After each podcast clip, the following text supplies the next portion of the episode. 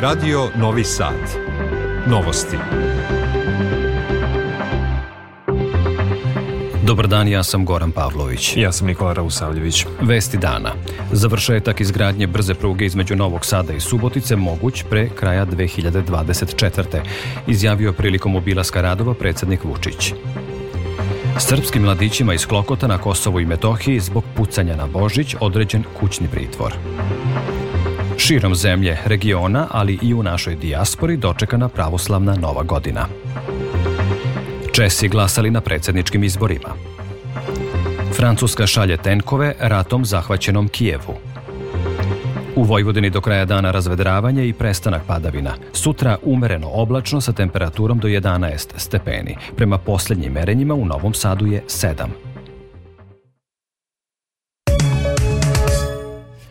U gradovima širom zemlje, uz vatromet na trgovima i u krugu porodice, sinoć je dočekana nova godina po julijanskom kalendaru. U srpskoj prestonici, tačno u ponoć, aktiviran je vatromet sa kule Beograd, a na trgu Republike održan je koncert Gorana Bregovića. Tradicionalno u hramu Svetog Save služen je moleban, odnosno praznično bdenje. Veselo je bilo na Zlatiboru, u Nišu, Novom Sadu, Čačku, Kraljevu i drugim gradovima. Iz bezbednostnih razloga nije bilo organizovanog dočeka nove godine u centru severnog dela Kosovske Mitrovice. U više više gradova Republike Srpske organizovan je doček i brojni Srbi u Americi, Kanadi i Australiji dočekali su pravoslavnu novu godinu koja je u narodu poznata i kao Mali Božić jer se tada završavaju božićne svečanosti. Radovi na brzoj pruzi Novi Sad-Subotica idu brže od rokova, rekao je predsednik Aleksandar Vučić prilikom obilaska radova na toj pruzi dugoj 108 km na deonici kod Stepanovićeva. On dodaje da su se izvođači postarali da urade sve što je moguće, te da smatra da će pruga biti završena pre kraja 2024. godine. Istakao je da je to veoma važno zbog razvoja severa zemlje i razvoja turizma na Paliću i Topoli, ali i daljeg razvoja Vrbasa, Lovđenca i drugih mesta koje se nalaze uz trasu pruge. Vrednost Vrijednost projekta je 1,16 milijardi dolara i finansira se iz kredita kineske Exim banke. Predsjednik Vučić je zahvalio ambasadorki Chen Bo na saradnji i predsjedniku Kine Xi Jinpingu, čija ideja bila izgradnja pruge od Beograda do Budimpešte. Evo šta su još izjavili ambasadorka Bo i predsjednik Vučić. Izgradnje brze pruge Beograd eh, Budimpešta ima veliki značaj ne samo za razvoj Srbije, nego i za poboljšanje povezanost e, između ovog regiona i drugih delova Evrope i Azije. Ovde radovi idu brže od predviđenog vremena, brže od predviđenih rokova i naši kineski prijatelji su se zaista postarali da sve urade što je moguće, a i mi nekad je bolje da platite i nešto više, ali da završite ranije, jer onda vidite rezultate kakve smo postigli na pruzi Beograd-Novi Sad. Mi smo imali veru da ćemo u mnogome da promenimo budućnost železnice, da to ne bude više samo socijalna kategorija, već da železnica počinje da radi, da živi u našoj zemlji i sa vozom Soko, sa tom linijom u celini i očekujemo da ti rezultati budu još bolji, posebno kada prugu budemo proširili, kada ovih 108 km između Novog Sada i Subotice budemo podigli Od danas je normalizovan saobraćaj brzom prugom između Novog Sada i Beograda, potvrdili su i Srbija voza. Na njihovoj aplikaciji mogu da se kupe karte po redovnom redu vožnje. Podsećamo, zbog krađe delova kontaktne mreže na deonici brze pruge između ta dva grada, od četvrtka je bilo poremeće reda vožnje zbog sporijeg saobraćanja vozova iz bezbednostnih razloga. Predsednik Aleksandar Vučić izjavio je da je sa visokim savjetnikom State Departmenta Derekom Šoleom imao ko korektan razgovor, a kada su u pitanju pritisci misleći na Srbiju povodom Kosova i Metohije, kaže da je realan i da nije optimista. Vučić je ponovio da mi imamo naše granice koje nisu ni ruske ni NATO granice, kako to tvrdi kosovski premijer Albin Kurti, već su naše granice one koje su međunarodno priznate. Sud u Gnjilanu odredio je 30 dana kućnog pritvora srpskim mladićima Dejanu M. i Aleksandru S. iz Klokota, koje je kosovska policija privela zbog navodnog izazivanja opšte opasnosti kada se tokom proslave badnje večeri u porti crkve čulo nekoliko hitaca ispaljenih u vazduh. Advokat Miloš Delević rekao je za Kosovo online da je sud odbio zahtev tužilaštva koje je tražilo sudski pritvor, te je dodeljen kućni pritvor. Kancelarija za Kosovo i Metohiju je mladićima iz Klokota obezbedila besplatnu pravnu pomoć i advokata.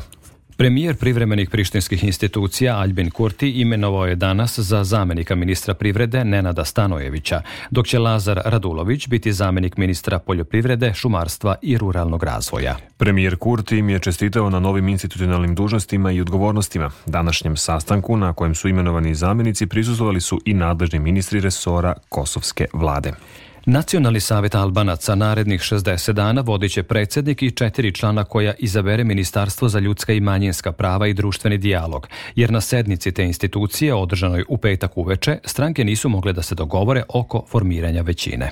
Nakon decembarskih izbora za članove saveta NSA stranke do isteka zakonskog roka u petak u ponoć nisu uspele da naprave većinu i izaberu predsednika.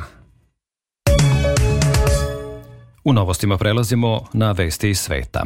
Ruske snage izvele su jutro se raketne napade na Kijev, saopštila je gradska vojna uprava. Zamenik šefa kabineta predsednika Ukrajine, Kiril Timošenko, naveo da su napadi izvedeni na objekte kritične infrastrukture u glavnom gradu Ukrajine. Gradska vojna uprava pozvala je građane da ostanu u skloništima. Rat u Ukrajini može biti završen tek kada ciljevi Moskve budu postignuti pregovorima ili vojnim putem, izjavio je stani predstavnik Rusije pri Ujedinjenim nacijama Vasilij ili Nebenzija. Bitka za Bahmut i Soledar, za Kreminu, za druge gradove i sela na istoku države se nastavlja. Iako je neprijatelj koncentrisao najveće snage u tom pravcu, naši vojnici, oružene snage Ukrajine, sve snage odbrane i bezbednosti štite državu, rekao je sinoć ukrajinski predsednik Volodimir Zelenski. Francuska Kijevu šalje tenkove. Dok se suočava sa pritiskom da pošalje borbene tenkove za Kijev, vlada u Berlinu kaže da će i dalje odmeravati isporuke oružja Ukrajini. U Češkoj su održani predsednički izbori. Birališta su otvorena juče, a zatvorena su danas u 14 časova. Prvi rezultati očekuju se večeras. Prema prognozama, ne očekuje se da neko od osam kandidata pobedi u prvom krugu. Više od 8 miliona građana Češke odlučuje ko će postati četvrti predsednik kada se sredinom manda marta u penziju povuče šef države Miloš Zeman. Prema predizbornim anketama, penzionisani general Petar Pavel važi za blagog favorita ispred bivšeg premijera Andreja Babiša i profesorke ekonomije Danuše Nerudove. Teheran je pogubio Ali Rezu Akbarija, državljanina Irana i Velike Britanije i bivšeg zamenika iranskog ministra odbrane, osuđenog na smrtnu kaznu zbog optužbi za špionažu. Iranski državni mediji objavili su video za koji kažu da pokazuje da je Akbari igrao ulogu u atentatu na vodećeg iranskog nuklearnog naučnika Moksena Fahrizadea 2020. za koji su vlasti u to vreme okrivile Izrael. Akbari je rekao da je tokom višemesečnog mučenja u pritvoru priznao zločine koje nije počinio. Iran Vatikan je inače oslobodio poljskog naučnika Macije Valčaka koji je u Iranu bio uhapšen zbog prikupljanja uzoraka zemljišta na zabranjenom mestu. Premijer Japana Fumio Kishida i predsednik Sjedinjenih država Joseph Biden dogovorili su se u Vašingtonu o produbljivanju zajedničke bezbednostne saradnje usmerene protiv uticaja Kine u regionu Indo-Pacifika. Biden je podržao nedavnu odluku Japana da, tako reći, dvostruči vojni budžet zemlje za narednih pet godina i pripremi se za eventualne pretnje iz Kine i Severne Koreje. Prema Bidenu u pitanju je istorijski susret, a Sjedinjene američke države su kompletno posvećena bilateralnoj saradnji dveju zemalja. Kishida i Biden su posle sastanka izdali zajedničko saopštenje u kome se zalažu za mirno rešenje spora između Kine i Tajvana u Tajvanskom Moreuzu. Spasioci aktivno tragaju za preživelima u ruševinama kuća nakon što je više tornada prošlo kroz južne delove Sjedinjenih država, a u nevremenu poginulo najmanje devet osoba u saveznim državama Alabami i Georgiji. Nacionalna meteorološka služba saopštila je da su izveštaje o šteti od tornada primljeni u najmanje 14 okruga u Alabami i pet u Georgiji, a desetine hiljada kuća je bez struje u te dve države. Predviđa se da će temperature tokom noći pasti ispod nule u teško pogođenim oblastima država gde je više od 30.000 domova domova i preduzeća bilo bez električne energije do večeri. U ponoć ističe rok do kada građani Hrvatske mogu plaćati u kunama, a više od 500 miliona novčanica i oko 5200 tona kovanica otpremaju se u mašine za rezanje i topljenje, piše Jutarnji list. Iako kune prestaju da budu sredstvo plaćanja i povlače se iz opticaja, građani će moći da ih menjaju za evre do kraja godine bez naknade i po fiksnom kursu. Hrvatska vlada je u julu prošle godine donela odluku kojom se 1. januar 2023. određuje kao datum uvođenja evra u toj članici Evropske unije. Slušate novosti Radio Novog Sada u nastavku emisije opet domaće aktuelnosti. Zbog potvrđenih prvih slučajeva malih boginja, Zavod za javno zdravlje Požarevac prijavio je epidemiju u Smederevu, a Institut Batut pooštrio mere nadzora. Profesorka Medicinskog fakulteta u Beogradu Ana Banko rekla je za RTS da će u Srbiji sigurno biti zabeležen veći broj slučajeva, pošto je broj imunizovanih mali, a da su najugroženija deca do pete godine starosti. Zaražena osoba sa malim boginjama tu infektivnu bolest može preneti na čak 12 do 18 lica u svojoj sredini, odnosno na 9 od 10 neimunizovanih ljudi, kaže profesor Banko. Zbog toga je e, neophodni obukvat vakcinacije, odnosno imunizacije za kolektivni imunitet preko 95%, a mi smo dugo godina iza toga. Ovo je bolest koja, e, za razliku od nekih drugih virusnih e, ovaj, infekcija u dečjem periodu, ima visoku stopu, odnosno višu stopu komplikacije i smrtnih ishoda, zbog čega je u periodu između 2000. i 2017. godine, kada je nekako program imunizacije na globalnom lokalnom nivou tekao po približno standardima kakvim je planirano. E, pad e, incidencije, odnosno stope mali boginja oboljevanja je bio za preko 80%. Više od milion ljudi podržalo je na društvenim mrežama akciju za uvođenje Amber Alerta u Srbiji. Inicijator akcije, direktor Centra za zlostavljanu i nestalu decu Igor Jurić, kaže da je u toku formiranje tima za uvođenje tog sistema za pronalazak nestale dece, te da očekuje da će on uskoro početi da radi. Opširnije Vesna Balta. U Evropi desetine zemalja imaju sistem Amber Alert koji funkcioniše tako da se kada dete nestane, informacija o tome širi putem televizije, radiostanica, interneta, bilborda i sl. Nakon aktiviranja sistema u 96% slučajeva nestalo dete bude pronađeno u prvim satima nakon nestanka. Veliki broj ljudi je protekle sedmice na društvenim mrežama podržao uvođenje tog sistema u Srbiji tako što je podelio sadržaj sa hashtagom Hoćemo Amber Alert, kaže Igor Jurić ističući da su nadmašena sva očekivanja. Ljudi jesu zainteresovani da mi zaista ozbiljno radimo na tome i da je sada vreme da se krene u akciju i da ovaj sistem zaista i bude tu kod nas da bi zaista predupredio neke, nažalost, tragične slučajeve koje su se dešavale u prethodnom periodu. Trenutno se o uvođenju sistema pregovara sa predstavnicima MUPA, a prema Jurićevim rečima, cilj nikada nije bio bliži. Ono što je ključno, dakle mi sada se nadamo da ćemo e, nakon formiranja tima koji je nekako u proceduri, a koji je opet e, bio na inicijativu Ministarstva unutrašnjih poslova, da ćemo krenuti sa radom. E, ja sam i juče ovaj, u komunikaciji sa ministrom Gašićem, kad sam mu se i zahvalio na toj nekoj podršci koju smo uslovno rečeno dobili od njega, on je rekao vreme je da prestanemo sa zahvaljivanjem, nego da krenemo sa poslom i to jeste u stvari za nas jedan jako ohrabrujući signal. Direktor Direktor Centra za zlostavljanu i nestalu decu Igor Jurić napominje i da će kampanja biti nastavljena sve dok sistem Amber Alert ne bude uspostavljen u našoj zemlji.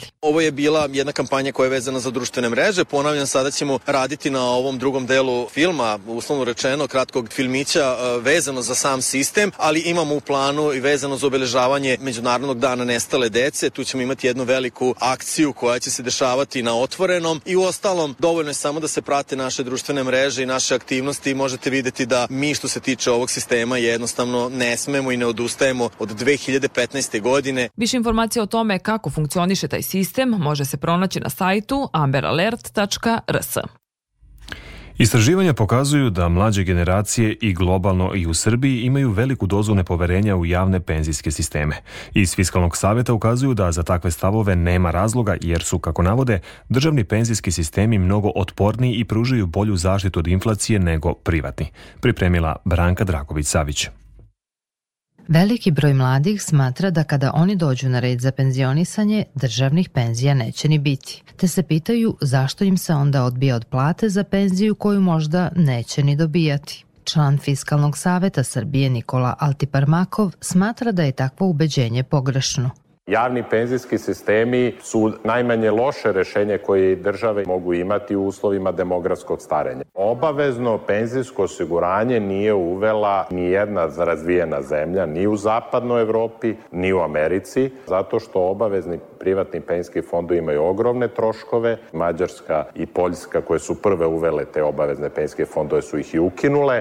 Altiparmakov ističe i da su javni penzijski sistemi mnogo otporniji i na inflaciju nego što je slučaj sa privatnim sistemima. Ako pričamo o ovoj godini, imamo dakle kumulativno povećanje penzija za 20%, sa druge strane ako pogledate privatne penzijske sisteme, oni imaju nominalni pad vrednosti od 3-4% ove godine, pa kad na to dodate inflaciju od 15%, znači vi imate realni pad štednje u privatnim penzijskim fondovima u Srbiji od 20%. Inače, penzionerima u Srbiji ova godina donosi važnu novinu u pogledu usklađivanja penzija, koja prema rečima Atibar Makova štiti standard penzionera i u aktuelnim uslovima povišene inflacije. Dopunjena švajcarska formula omogućava da penzije rastu 100% sa rastom zarada, kada su penzijski rashod ispod 10% BDP-a, a u nekim ekonomskim izazovnijim vremenima kada penzijski rashodi pređu tu granicu od 10% BDP-a, u tom slučaju će se penzije indeksirati sa standardno švajcarskom formulom, pola sa rastom zarada, pola sa rastom cena. Altipar Makov napominje da će prosečna penzija sa januarskim povećanjem iznositi oko 37.000 dinara. On dodaje da će prosečna primanja starosnih penzionera koji su primali prosečnu platu i imaju 40 godina staža biti oko 45.000 dinara. U buduće će godišnje do 50.000 ljudi iz Srbije i regiona moći da se zaposli i nastani u Nemačkoj, čak i ako nemaju stručne kvalifikacije. Reč je o takozvanom zapadno-balkanskom pravilu, koje predviđa povlašćen pristup nemačkom tržištu rada. Opširnije Željana Ostojić. Jedino Balkanci u Nemačkoj mogu da dobiju posao i radnu vizu čak i kad rade van struke ili bez stručne spreme. To pravilo osmišljeno je nakon prvog talasa izbjegličke krize 2015. i 2016. godine, pošto su među tražiocima azila iz Sirije bili i brojni državljani Srbije, objašnjava za Radio Novi Sad novinar Deutsche Velea Nemanja Rujević. Ovo svedoči o užasnoj potrebi Nemačke za radnom snagom Naprosto računice kažu da bez useljavanja 400.000 ljudi godišnje nemačka ekonomija ne može održi da ovo na što je navikla. Dakle, taj nivo blagostanja uz jaku industriju, proizvodnju i jaki izvoz. Na svakom koraku traže se majstori, šoferi, ugostitelji, medicinski radnici, kaže naš sagovornik napominjući oprez, ali i dobru informisanost pre odlaska primjera radi ne znaju kada se ovde govori o plati da se govori o bruto iznosu, a ne o neto iznosu. Drugo, ne znaju često da nije isto da se oni dosele i da im se doseli porodica. Često porodica mora da čeka godinu ili dve na terminu ambasadi. Kako bi neko već rešio da ide, treba da obrati pažnju kad mu se nude te razne agencije za posredovanje radne snage. Kogod vam traži pare, vrlo verovatno da je prevarant. Na koji način država može da spreči masovni odlazak? Profesor ekonomskog fakulteta u Beogradu Mihajla Randarenko predlaže dve mere mere? Da se postiče rast životnog standarda još važnije e, europlata u našoj zemlji. Bez obzira što je visoka inflacija, a druga mera, ja mislim da je još važnija, da u Srbiji, nažalost, veći dodatak je praktično nemoguće dobiti ako niste nezaposleni. Oskudica radne snage će se produbljivati, ocenjuje profesor, jer svake godine stanovništvo radnog uzrasta opadne za oko 50.000. Deseta međunarodna konferencija posvećena Nikoli Tesli biće održana na Manhattanu u hotelu New Yorker u kojem je jedan od najvećih svetskih umova i pronalazača preminuo na Božić 1943. godine. Glavni gost skupa biće gradonačelnik Njujorka Eric Adams, što će, kako navode organizatori, biti prilika da se pokrenu razgovori i o bratimljenju Njujorka i Beograda. Konferencija o organizaciji Tesline nauče fondacije iz Filadelfije, a kojom se ove godine obeležava i osam decenija od smrti, kako se kaže, čoveka koji je izumeo 21. vek, prilika je da se ugovori termin za postavljanje Teslinog spomenika u Bryant Parku. Na konferenciji će biti dodeljene nagrade i priznanja onima koji prate i promovišu Teslina naučna dostignuća. Između Kovina i Deliblata dogodila se teška saobraćena nesreća u kojoj je poginuo mladić, potvrđeno je RTS-u u policijskoj upravi Pančevo. Na mladića starog 23 godine između Kovina i Deliblata je naletelo vozilo. Drugi detalji nesreće za sada nisu poznati. Za novosti iz sporta ukratko izdvajamo. Na svetskom prvenstvu u rukometu naša selekcija je sinoć savladala Alžir rezultatom 36-27. Naredni meč Srbija igra sutra protiv Nemačke od 18 časova. Od utakmica koje su danas na programu izdvajamo Brazil, Urugvaj, Crna Gora, Iran i Francuska Saudijska Arabija koje su na programu od 18 časova. U 15. kolu košarkaške ABA lige od 17 časova sastaju se Igokea Megabasket, od 19 sati igraju CDVita Olimpija, Split, i od 21 čas Cibona studentski centar.